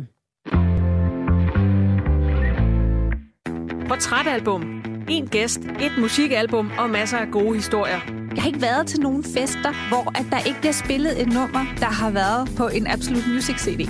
Vært Anders Bøtter dykker ned i tiden, musikken og de minder, det sætter i gang hos gæsten. Hvorfor tror du lige, at det er The River, der har fulgt dig igennem livet? The River definerede mig som øh, ung mand. Lyt til et portrætalbum i vores app, når det passer dig. Radio 4 taler med Danmark. Det er altså øh, fredag, og det er fredag oven på en uge med øh, masser af politik og øh, politiske dramaer i Danmark. Vi havde et folketingsvalg tirsdag, og nu øh, bliver der forhandlet en regeringsdannelse på øh, vej her i de her dage, og måske i de her timer, som øh, jeg taler lige nu. Jeg øh, kalder øh, Aftenradio om fredagen for festlig fredag, og øh, jeg bliver nødt til måske at få lidt øh, beviser på, om det virkelig er festligt derude. Du må gerne sende en sms, hvis du øh, oplever, at der er særlig festligt omkring ørerne på dig. Jeg har lige været vidne til en øh, julebryg bil, der kørte forbi nede på gaden. Masser af gang var der i hvert fald i den med øh, nisser. Altså, jeg tror ikke, det var rigtig nisser, men det lignede nisser, der stak hovedet ud af den her bus, der kørte forbi. Og der var også øh, horn, der blev trykket i bund, og formentlig masser af øl.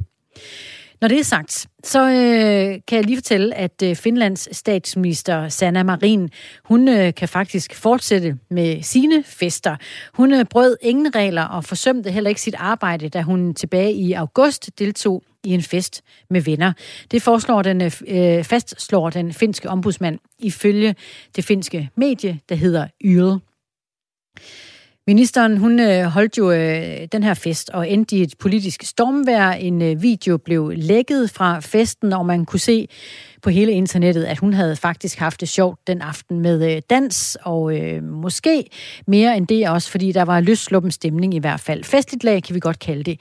Fra nogle sider, der medførte det øh, kritik, og det endte også med, at øh, Marine måtte tage en øh, test for at bevise, at hun ikke havde taget stoffer den aften. Der var ingen stoffer i blodet på hende. Og nu har den øh, finske ombudsmand fastslået, at der ikke er grund til at kritisere hende for det, hun øh, lavede.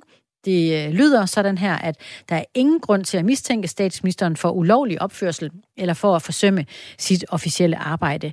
Hun sagde også selv allerede dengang, at hun ikke havde gjort noget forkert. Hun øh, svarede igen og sagde, jeg har altså også et familieliv, jeg har et arbejdsliv, og jeg har fritid, som jeg bruger sammen med mine venner. Og øh, det er stort set ligesom alle andre på min alder. Og jeg kommer til præcis at være den samme person, som jeg har været indtil nu. Og jeg håber, at det bliver accepteret, lød det fra statsministeren dengang. Og nu er det altså også blevet øh, stemplet ovenfra myndighederne, at hun havde øh, fuldstændig lov til at gøre det, hun gjorde, altså festet med sine venner i august. Jeg kigger lige på sms'en, om der skulle være kommet nogle øh, festlige sms'er. Jeg laver en øh, opdatering og konstaterer, at der ikke lige er kommet nogen. Du kan nå det. Skriv, hvad du laver sådan en øh, fredag aften, og send det her ind på øh, 1424. Lad os se, om du kan nå det. Ej, vi kan også lave sådan en lille hurtig, øh, hvor mange kan nå at skrive en sms, mens vi lytter til øh, Eagles One of These Nights. Så skal jeg nok være stille, så kan vi høre det her lækre indløb på sangen.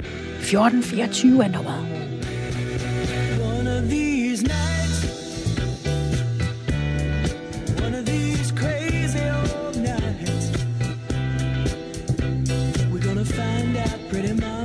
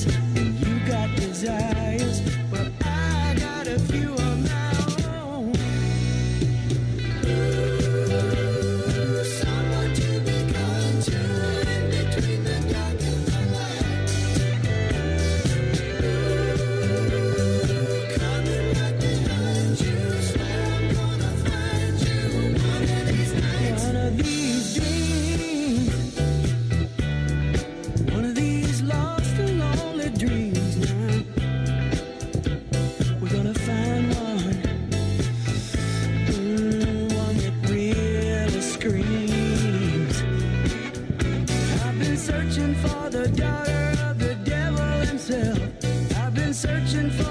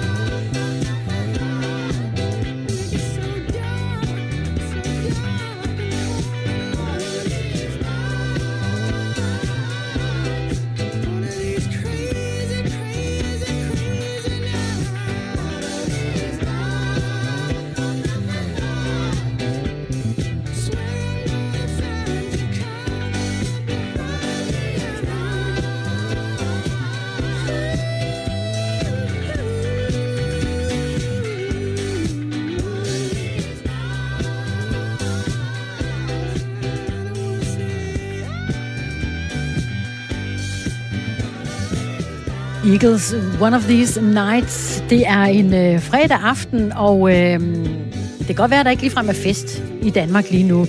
Men der er i hvert fald øh, gang i den. Det kan jeg da konstatere ved at kigge på øh, sms'en. Der kom en øh, hurtig hilsen fra øh, Frederik i øh, Aarhus, der skriver, øh, jeg har været smut i øh, svømmehallen efter at have ført øh, valgkamp i fire uger. Rart at få øh, brugt kroppen og musklerne rigtigt igen. Og det er øh, Frederik fra Aarhus, medlem af Radikale Venstre, som han skriver. Mads skriver, vi laver æresport til min øh, søns øh, bryllup i morgen. Hygge i familiens skød. Kæmpe tillykke og øh, god fornøjelse med æresporten til jer, Mads. Kat skriver, jeg er på vej hjem fra arbejde efter ni timer som syngende tjener, har hentet en pakke og skal hjem og sove tidligt. Måske ikke så festligt, men jeg er glad. Hahaha, står der så fra Kat. Dejlig hilsen, Kat. Tusind tak for den. Der kom også en hilsen fra øh, en lytter, der har været på årets første julemarked. Vi er på vej hjem fra årets første julemarked på øh, Gavnø Slot. Meget hyggeligt. Og så er der et tegn. Jeg tror, man har lavet en smiley af en eller anden art. Tusind tak for sms'er. Jeg øh, glæder mig faktisk til at høre endnu flere sms'er. Vi har 18 minutter tilbage endnu, hvor du kan nå at fortælle, hvad du laver sådan en øh, fredag aften hjemme hos dig.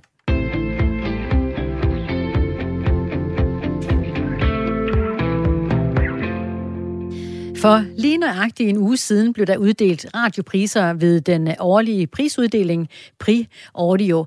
Og jeg er ikke for fin til at øh, prale lidt. For øh, årets radioprogram er nemlig et Radio 4-program. Det er et portrætalbum, hvor musikformidler Anders Bøtter hver uge har nogle af Danmarks største tv-værter og sportsstjerner, og der er forfattere, politikere, skuespillere, you name it, i studiet for at have en snak om et musikalbum, der har helt særlig betydning for gæsten.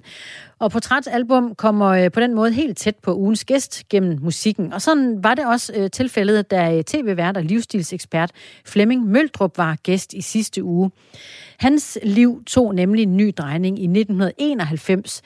Samme år som bandet U2 også gik nye veje, og derfor tegner Anders Bøtter et portræt af Flemming Møldrup ved hjælp af U2-albummet Actung Baby, der udkom i 1991. Jamen, der er lige blevet øh, sådan en Flemming Møldrup, der for første gang har en plan, sådan rigtigt for, hvad han vil og skal, og øhm, jeg, i 89, 89, der flytter jeg ind i, ind i Munkegade i Aarhus i sådan et kunstnerkollektiv, op under taget i en ejendom, hvor jeg får skrevet digte og arbejder på sådan nogle indie-filmmanuskripter og sådan noget, og, og drikker stadig, jeg drikker stadigvæk mange øl, og øh, hænger ud i det her fællesskab. Og så kan jeg huske, at jeg møder en, øh, en, en, øh, en pige, og hun har ligesom en helt anden vennegruppe, end jeg har. Jeg har sådan en kunstnervennegruppe, der ikke har nogen retning på noget som helst andet end kunsten. Og så møder jeg en pige, som har en vennegruppe, som har en retning på alt muligt. Og, øhm, og den, kommer jeg ligesom, den bliver jeg ligesom optaget af, eller i. Og, øh, og der bliver jeg nødt til at forholde mig til en masse ting. Blandt andet sådan noget som, hvad skal du egentlig bruge din tilværelse på? og sådan nogle helt banale spørgsmål, yeah. som, øh, som jeg ikke havde givet at stille mig selv sådan for alvor. øhm, så, så det i virkeligheden, i 91 er det en, øh, en uh, Flemming, der har, lavet, der har forladt klubværelset og digtene og alt det her, og samlet et kamera op og begyndt at fotografere, og vil være fotograf og vil alt muligt spændende. Øhm, så jeg er også på vej i en anden retning, da det her album udkommer. Så på den måde følges vi ligesom, vi slår, en, slår, det slår ned i mit liv på det helt rigtige tidspunkt, og det peger den samme vej, som jeg er på vej i. Så det er på alle måder går det op i en højere enhed.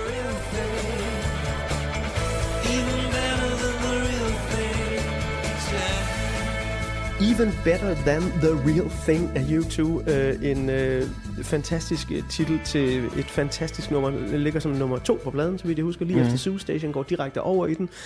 Um, og ja, Flemming, ja. du nævnte det lige, mens uh, det blev læst op, og der spillede noget musik her. Uh, vanvittigt år. Ja, fuldstændig vanvittigt. Det er sådan helt skørt, ikke? Men jeg tror på en måde, at det, det bliver så vanvittigt jo, fordi det er jo, fordi verden jo er faldet fra hinanden nogle år tidligere, og er i gang med at redefinere sig selv, og hermed også en hel generation af unge mennesker, der skal finde nye steder at stå og gå hen med deres meninger, holdninger og følelser. Og det, ud, og det eksploderer jo bare i, øh, i ny musik, og nye bands, øh, store albums. Altså det hele, det vælter bare ud af, af, af, af den generation dengang. Ikke? Så jeg synes, det er ret fantastisk. Så jeg tror, hvis man kigger på verdenshistorien, der hvor der har været store opbrud, så passer det nok meget godt med, at der også er kommet noget stort musik. Noget af det, som, øh, som, øh, som vi holdt op med at interessere os for, det var jo det pompøse og det, uds, det forestillede. Ja. Det skulle være ægte. Altså verden var helt fucked up på mange ja. måder, som du jo selv har læst op tidligere. Og vi skulle virkelig føle den, og vi følte den virkelig. Ikke? Ja. Hvad med øh, dansk musik i 1991, da du render rundt der som 22-årig? Er, er det noget, der, der rører dig nogen steder? Nej, jeg kan knap nok huske det. Altså, Sort Sol, synes jeg jo, øh, har, har fulgt mig lige siden jeg var helt... Øh, for dengang de hed Sots, øh, med Copenhagen-agtigt, øh, og var en del af min punk, min lektie. Ja. hedder, ja, som jeg blev nødt til at have og forstå og være, og være med i. Øhm, var, var du nogensinde en del af et punkmiljø? Ja, jeg var sådan en øh, postpunk, fordi øh, jeg kom, jeg var jo teenager der i midt-80'erne, og der var punken jo på en eller anden måde ved at drive lidt over. Men, øh, men vi, det lykkedes der så stadigvæk at få banket nogle læderjakker op, og få gået noget gammelt tøj og nogle militærstøvler, og høre noget Cure, og Depeche Mode og New Order, og, øh, og noget punk for eksempel. Øhm, og farve lidt hår og sådan noget, gå med lidt makeup og sådan noget. Så jeg synes, skubbet lidt til, til det hele, men, øh, men ikke decideret punk, det var jeg aldrig inde i. Det og øh, mere til fortæller øh, Flemming Møldrup i øh, portræt, portrætalbum fra sidste uge hos musikformidler Anders Bøtter. I den her uge, der var det Lærke Kløvedal, som var gæst i portrætalbum, og du kan finde hele rækken af portrætter ved at søge i Radio 4-appen efter portrætalbum. Og så er det oplagt, at vi lytter til et nummer fra det album, som Flemming Møldrup han øh, byggede en del af sin øh, ungdom op til, nemlig U2 og One. Is it getting better? Or do you feel the same? Will it make it easier on you now? You got someone to blame. You said one love, one life. When it's one need in the night. One love, we get to share it. Leaves baby,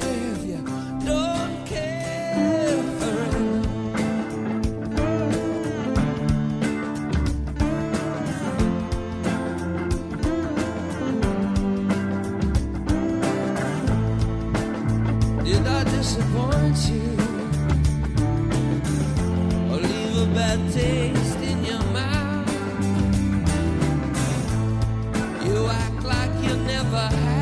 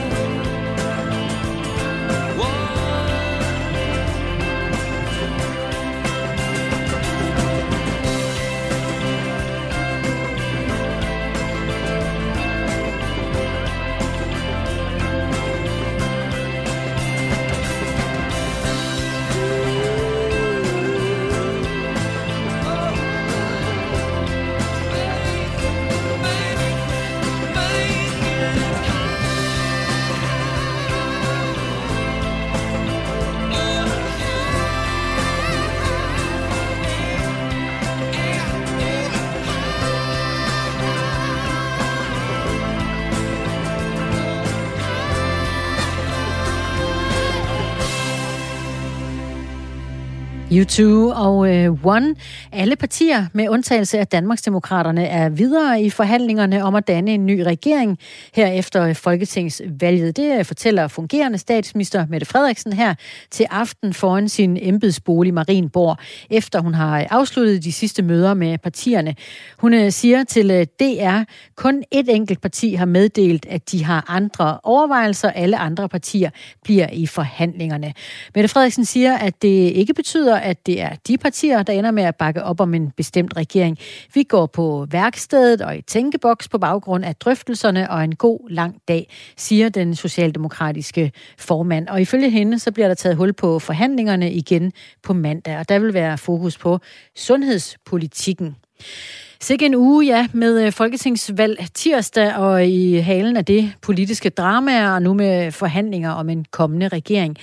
Lad os lige prøve at øh, suse tilbage til øh, der natten mellem tirsdag og onsdag, hvor der endnu ikke var en afklaring, og de øh, sidste stemmer blev talt op klokken halv et om øh, natten. Der var øh, reporterne fra Radio 4 stadigvæk med på øh, gangene, og måske var du også med foran tv. Det var neglebidende spændende. Og så øh, dukkede øh, Lisa Linding op hos partiet Venstre. Der bliver simpelthen, øh, at det er som om journalisterne hænger over øh, det her gelænder ned til trappen, fordi nu vil vi bare gerne have, at Jakob Ellemann ankommer. Men øh, journalisterne er simpelthen legnet op hele vejen fra trappen over til landstingssalen, hvor Venstre jo altså holder sin valgfest. Øhm, og ja, altså nu taler vi jo om valgfest, men stemningen er rimelig trykket. Altså, jeg har kæmpet for at få øh, de store venstreprofiler på, men det jeg hører og kan se, det er, at humøret det er ikke i top, og de har ikke lyst til at sige noget. Øhm, men nu må vi se. Altså, det bliver spændende, hvornår formanden kommer, og endnu mere spændende at høre, hvad han har at sige. Sådan lød det øh, få minutter før afgørelsen, og da den så kom med udfaldet 87 mandater til øh, Rød Blok, så brød festen ellers ud hos Socialdemokraterne. Det gør jeg nemlig, og øh, jeg tænker egentlig bare at holde mikrofonen frem, så kan I lige høre lidt på, hvad der sker her. Det er fire år, de råber, og øh, der er kæmpe fest herinde. Jeg ved ikke, om det er det her sted, der egentlig er allermest fest af alle. Men øh, er der noget, I gerne vil vide? Ja, der var øh, knald på hos Socialdemokratiet, da de øh, endte som landets klart største parti med 50 mandater. De øh, talte jo så også øh, mandaterne med fra Færøerne og Grønland, og så endte Mette Frederiksen og Socialdemokratiet som aftens absolut store vinder. Det blev et godt valg for Socialdemokratiet, som gik frem med 1,6 procent af stemmerne.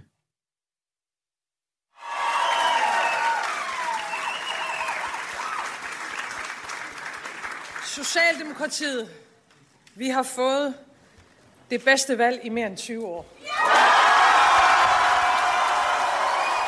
De øh, radikale, radikale til gengæld gik øh, hele ni mandater tilbage, og dagen efter valget, der øh, trak Sofie Karsten Nielsen sig som formand for partiet.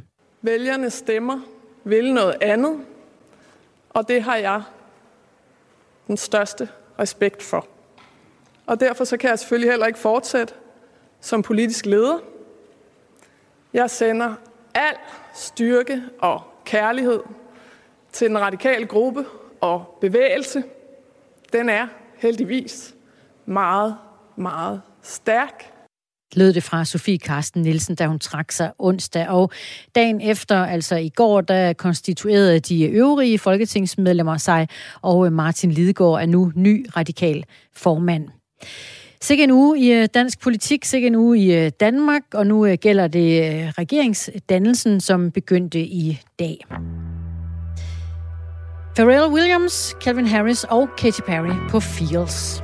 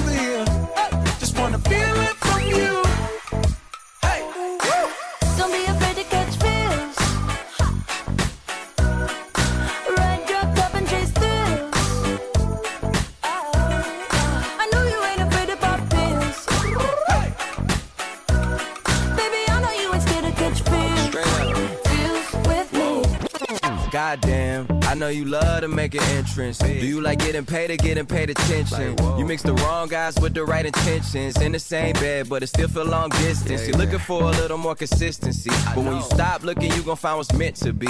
And honestly, I'm way too done with the hoes. I cut off all my exes for your ex and O's. I feel my old flings was just preparing. De øh, satiriske lege tager over her øh, om lidt, efter vi har fået en omgang nyheder. Mit navn er Christina Ankerhus, og lov mig nu, at du øh, får det allerbedste, du overhovedet kan ud af fredagen, weekenden. Tak for nu. Klokken er 21.